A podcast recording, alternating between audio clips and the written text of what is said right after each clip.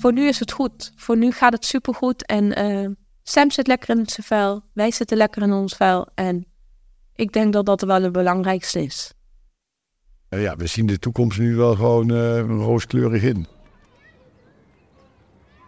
Welkom. Je luistert naar de podcast over het Centrum Jonge Kind van Karakter, Kinder- en Jeugdpsychiatrie. Hier kunnen ouders terecht met kinderen tussen 0 en 6 jaar, bij wie de ontwikkeling anders verloopt dan verwacht en er vermoedens zijn van kinderpsychiatrische problematiek. Het Centrum Jonge Kind is top GGZ gecertificeerd en te vinden op verschillende locaties van karakter in Gelderland, Overijssel, Noord-Brabant en Noord-Limburg.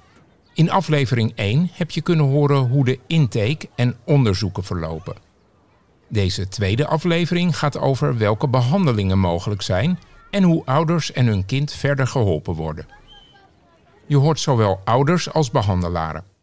De vader en moeder van Hugo en de moeder van Sam vertellen over hun ervaringen. Behandelaren Lieke van Brakel, kinder- en jeugdpsychiater, en Sabine van Heertem, GZ-psycholoog en systeemtherapeut, komen als eerste aan het woord over wat zij doen binnen het Centrum Jonge Kind en waarom.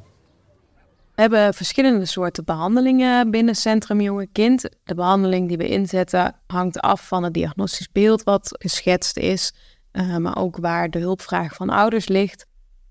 Als we echt ook een diagnose stellen, bijvoorbeeld een diagnose autisme of een diagnose ADHD of een diagnose angst, dan hebben we ook uh, psycho-educatie, zoals we dat noemen. Dat is eigenlijk altijd in groepsverband.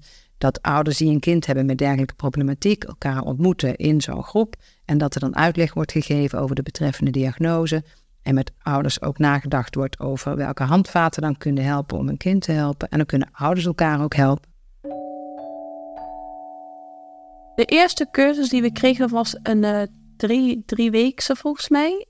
En uh, daar waren allemaal andere ouders bij en die vertelden dan over hun kind. En uh, die kregen ook de uitleg van wat ADHD is en wat het inhoudt. En uh, hoe je kinderen kan reageren en hoe jouw kind reageert. En dat zijn ehm, verschillende ouders gehoord. En er zat er één bij en dat vergeet ik ook nooit meer. Dat was precies Sam. En die ouder en ik snapten elkaar heel erg.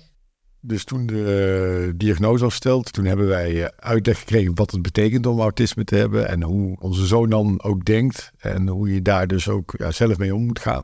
En ik vond het dus heel fijn dat het in groepsverband was. Uh, mede omdat je dan denkt, oh, we zijn niet de enige en uh, dat je ervaringen kan uitwisselen en ook wat aan elkaar hebt van, oh jeetje, ja, we begrijpen jullie. Want voor een buitenstaander is het soms best lastig te begrijpen, omdat die niet dagelijks in jullie gezinnen kunnen kijken. Dus dat maakt het dat ik het in groepsverband heel fijn vond. Dat, dat je begrip had van andere ouders en dat zij ook struggelen. En, en um, ja, dat je dat ook kan delen en uitwisselen. En, uh, nou ja, en dat je informatie kreeg over ja, hoe, hoe, dat, hoe die hersentjes eigenlijk werken bij. Uh, hoe dat anders, hoe, hoe zij anders informatie binnenkrijgen. En uh, ja, nee, dus dat was fijn. Eigenlijk richten al onze behandelingen zich op zowel kind als ouder. Uh, zeker gezien de jonge leeftijd van de kinderen um, is het nog niet haalbaar om behandelingen met het kind alleen te doen. Uh, mede omdat het kind nog zo afhankelijk is van zijn omgeving in zijn ontwikkeling. We hebben behandelingen waarin we vooral met ouders ook kijken naar hoe zij tot een betere afstemming op hun kind kunnen komen. Want je ziet natuurlijk toch vaak dat ouders, doordat die opvoeding niet vanzelf gaat, en dat er patronen ontstaan in de interactie tussen ouders en kind, waarbij onbedoeld uh, ze bepaald gedrag van een kind ook kunnen uitlokken of in stand kunnen houden of soms ook versterken. En dat is heel begrijpelijk, want ouders zijn ook aan het zoeken nou, hoe doe ik dit nou? En uh, je ziet dat het soms ook spanning kan geven bij ouders, het ze ook onzeker kan maken. Ze willen het eigenlijk zo graag goed doen voor een kind en het lukt eigenlijk niet. En soms zie je ook dat er dan ook een omgeving is die daar ook wat van gaat vinden. Dat maakt het voor ouders soms ook heel lastig. Dus het is ook heel fijn als we ouders kunnen helpen om die patronen wat beter te gaan begrijpen. En ook te kunnen gaan verleggen. En daar zijn verschillende vormen voor. We hebben bijvoorbeeld een oudertraining, de Incredible Years. En in die training, dus in groepsverband, leren ouders hoe ze ook in de relatie met hun kind beter af kunnen stemmen op hun kind. Je merkte ook dat je niet alleen was en dat je niet alleen zo'n eh, kind hebt met ADHD of autisme of wat dan ook. En eh, die uitleg was ook heel fijn, wat, wat je kreeg. En met die Incredible Years zit je dan met z'n allen elke week eh, in een groep. Ik was heel open. En ehm, die ouders hebben ook heel veel aan mij gehad. Dus dan voel je toch wel weer zo trots. En als ik het niet weet, dan vraag ik het aan die ouder. En zo vullen we elkaar aan. We hebben ook behandelingen die zich richten op het stimuleren van het contact maken uh, van kinderen. Dat is bijvoorbeeld de PRT. Uh, daarin leren we ouders handvaten hoe zij het kind kunnen leren meer gericht te worden op zijn omgeving. Die PRT-training die was ook hier met, uh, bij karakter. En dan moest hij inderdaad um, vaak um, spelletjes doen of dingen bouwen of spelen. En dan daar, het ging vooral omdat inderdaad de interactie zag tussen hem en iemand anders en hem en ons. Uh, dat deden wij ook afwisselend. Uh, en daar kwamen echt ook wel wat dingen uit. Um, ja, met dat zelf spelen en, en, en, zelf regie willen hebben en controle. Uh, dus daar kon je, ja, daar in, in die tijd zijn er dingen duidelijk geworden wat hij doet, wat voor gedrag en patronen en hoe wij daarop reageren. Kunnen ook intensieve psychiatrische gezinsbehandeling inzetten. Er zijn collega's van ons die thuiskomen, die ook zien wat er thuis gebeurt. Die komen zowel als, thuis als de kinderen thuis zijn, maar die komen ook thuis als alleen ouders er zijn om met ouders daarover te spreken. En kijk ook met ouders heel praktisch van wat zou je nou kunnen inzetten om dingen wat makkelijker te laten verlopen thuis. Die begeleiding thuis was eigenlijk ook vooral een, uh, voor onszelf een fijn moment om weer de afgelopen twee weken uh, te bespreken van uh, waar je weer allemaal tegenaan bent gelopen. En er was iedere keer was er weer een nieuwe uitdaging. Hè? Dus dan wilde hij zijn tanden weer niet poetsen. Of dan wilde die iets anders in niet, of was, werd hij heel erg boos, voor, was hij zijn broertje of zijn broer aan het, aan het molesteren. Dus iedere keer konden we best wel praktijkproblemen bespreken van hoe moeten we dat aanpakken. Nou, en dan was je daar weer twee weken mee bezig en hadden we weer pictogrammenbord gemaakt voor, voor structuur. En dan nou, had je het een onder controle. Maar dan was het volgende probleem weer alweer. Dus het was, het was heel fijn om, het, om te kunnen delen waar je tegenaan bent gelopen. Om ook weer praktische handvaten te krijgen. Maar er zijn wel af en toe opmerkingen, oké, maar en hoe is dat voor Hugo? Terwijl je dat soms zelf even vergeet, het ging wel steeds beter. Dus het is wel, ja, uiteindelijk is het wel heel uh, prettig geweest. Ja, ja, het gaf wel veel inzichten hoe wij ook reageren en wat we dan wel of niet, uh, ja, fout doen is misschien niet het goede woord, maar wat, wat we dan anders kunnen doen. En voor ons was het echt heel fijn om met haar uh, te sparren en, en ook in gesprek te blijven met elkaar. Hoe wij anders over dingen dachten en anders dingen oplossen. En ja, zij hielp ons daar echt wel mee om naar elkaar te luisteren en om, om samen ergens achter te staan. Ik denk dat wij onze oudste zoon hierin ook wel hebben betrokken. En wij hebben hem Um, ook al heel snel uitgelegd dat, dat, dat zijn broertje anders denkt, informatie anders uh, verwerkt, dat hij anders reageert. Dus we hebben dat altijd wel uh, veel besproken. En ik denk dat wij ook heel erg um, gericht aandacht altijd aan hem hebben besteed. Dus dat we altijd ook verzorgden dat, uh, ja, dat hij aandacht kreeg en, en, en niet altijd zijn, naar zijn broertje ging. En ja, en nu zijn het echt broers. Dus ze kunnen onwijs leuk samenspelen en ook ruzie maken.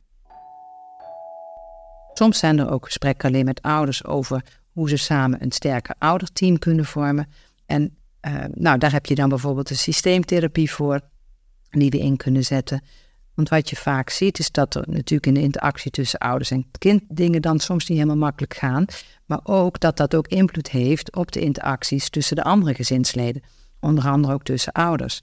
Want wat heel logisch is, is als die opvoeding niet vanzelf gaat, dat dat soms ook de verschillen tussen ouders kan uitvergroten. Dat bijvoorbeeld de ene ouder denkt, ik moet wat strenger en wat harder gaan aanpakken. En de andere ouder vindt dat je wat meer mee moet bewegen en wat meer moet toegeven. En dat kan ook spanningen tussen ouders geven.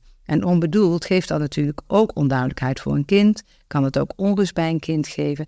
En dan is het heel fijn als ouders daar meer bewust van worden. En daarin ook meer zeg maar, naar elkaar toe kunnen bewegen, elkaar beter gaan begrijpen en daarin ook beter samen kunnen werken.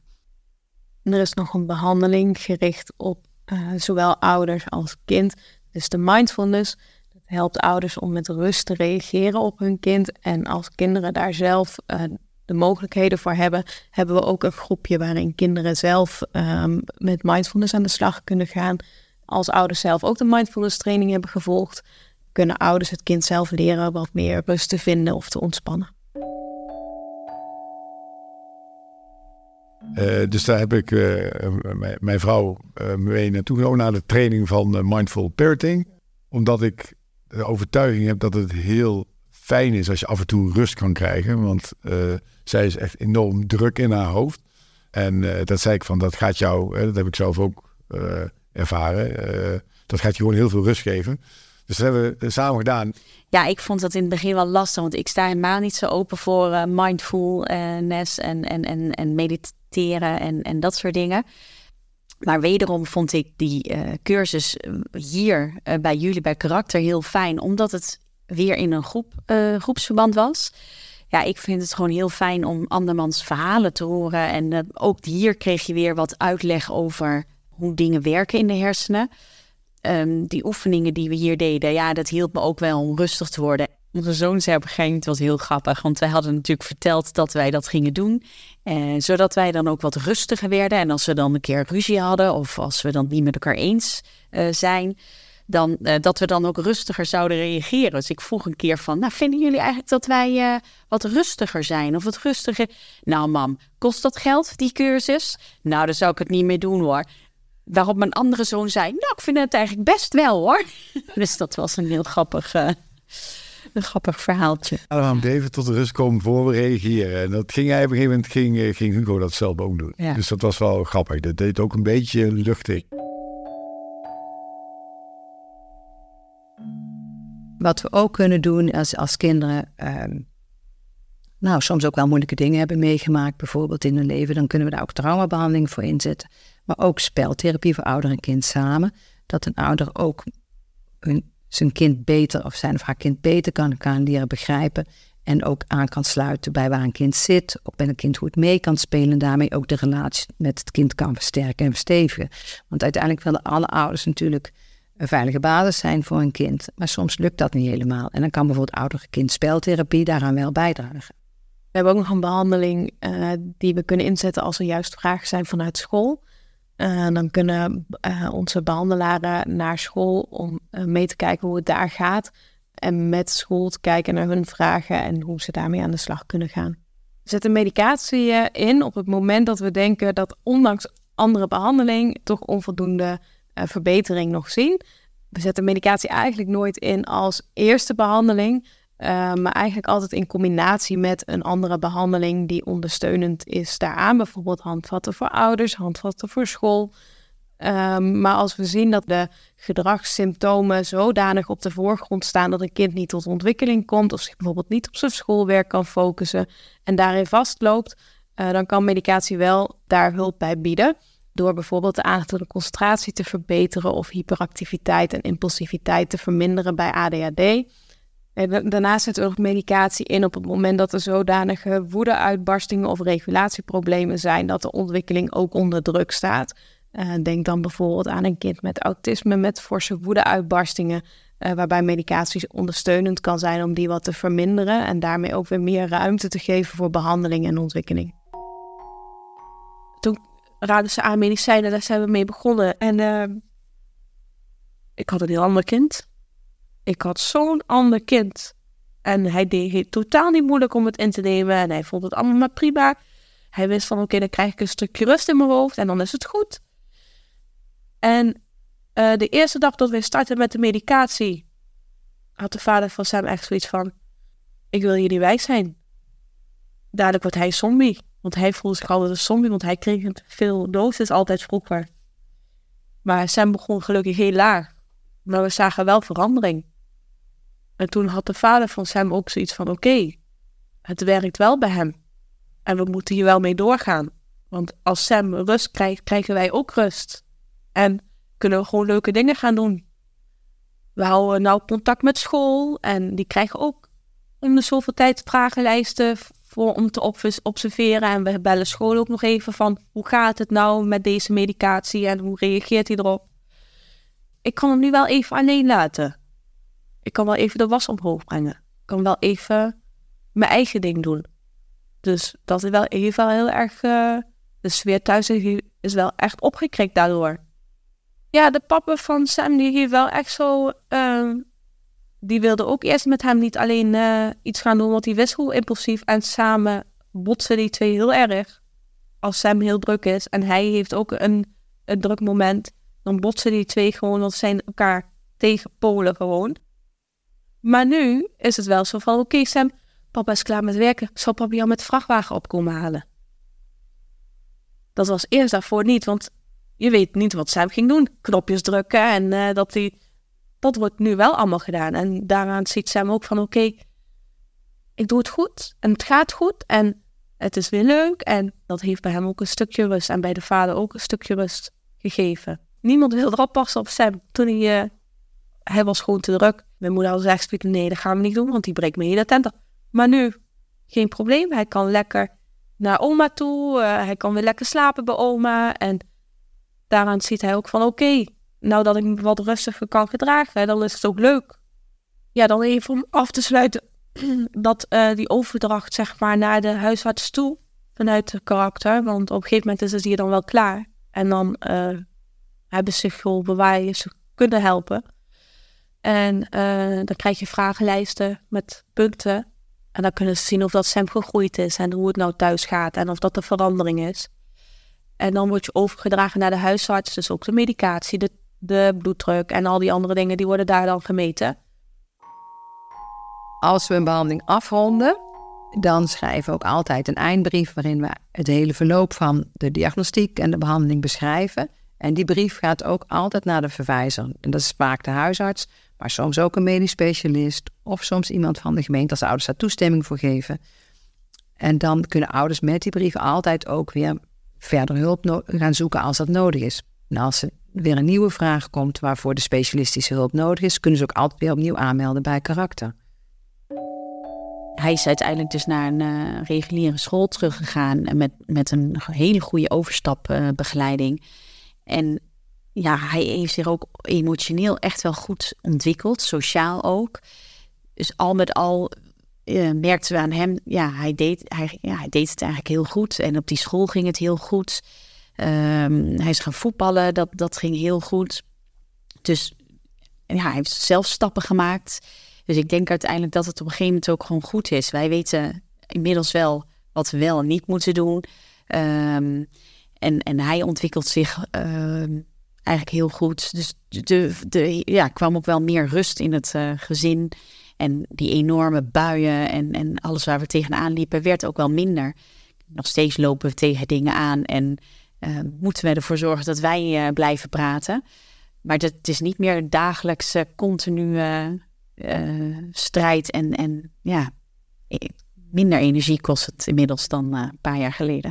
Ik denk dat we deze periode echt nodig hebben gehad met de hulp. En ja, om, om hem te leren kennen wat er aan de hand is. En ja, maar ik denk dat het, dat het zeker goed gaat komen. En wat voor mij een beetje een rode draad was in uh, dat we er toch best goed uit zijn gekomen, is dat je ook de, de mensen die je hulp bieden, dat je daar ook gewoon, dat je dat omarmt en dat je die mensen ook serieus neemt. Uh, want we kregen in het begin heel vaak vanuit, vanuit gewoon omgeving van, van vrienden en andere mensen op school van... Ja, dat moet je niet accepteren dat je kind van school moet. Dan moeten ze maar hun best doen, moeten ze hulp bijschakelen. En je, je, kreeg best wel veel, nou ja, ook adviezen van uh, laat, je niet zomaar een bepaalde kant op gaan. En wij zijn best wel gewoon heel open geweest. En we hebben dat juist enorm omarmd om te luisteren naar, naar alle partijen en de visies die ze hadden. En, uiteindelijk maak je zelf wel keuze. Maar doordat je dat samen doet, dat heeft ons wel heel erg geholpen. Sowieso qua energie of qua weerstand in trajecten, dat je dat niet opzoekt. Want daar kun je ook, die kant zou je ook kunnen kiezen. Maar dat je het gewoon samen doet. En dat uiteindelijk heeft dat, uh, heb ik ook gezien, wat een enorme hulp er mogelijk is als je om je heen kijkt en daarin meegaat.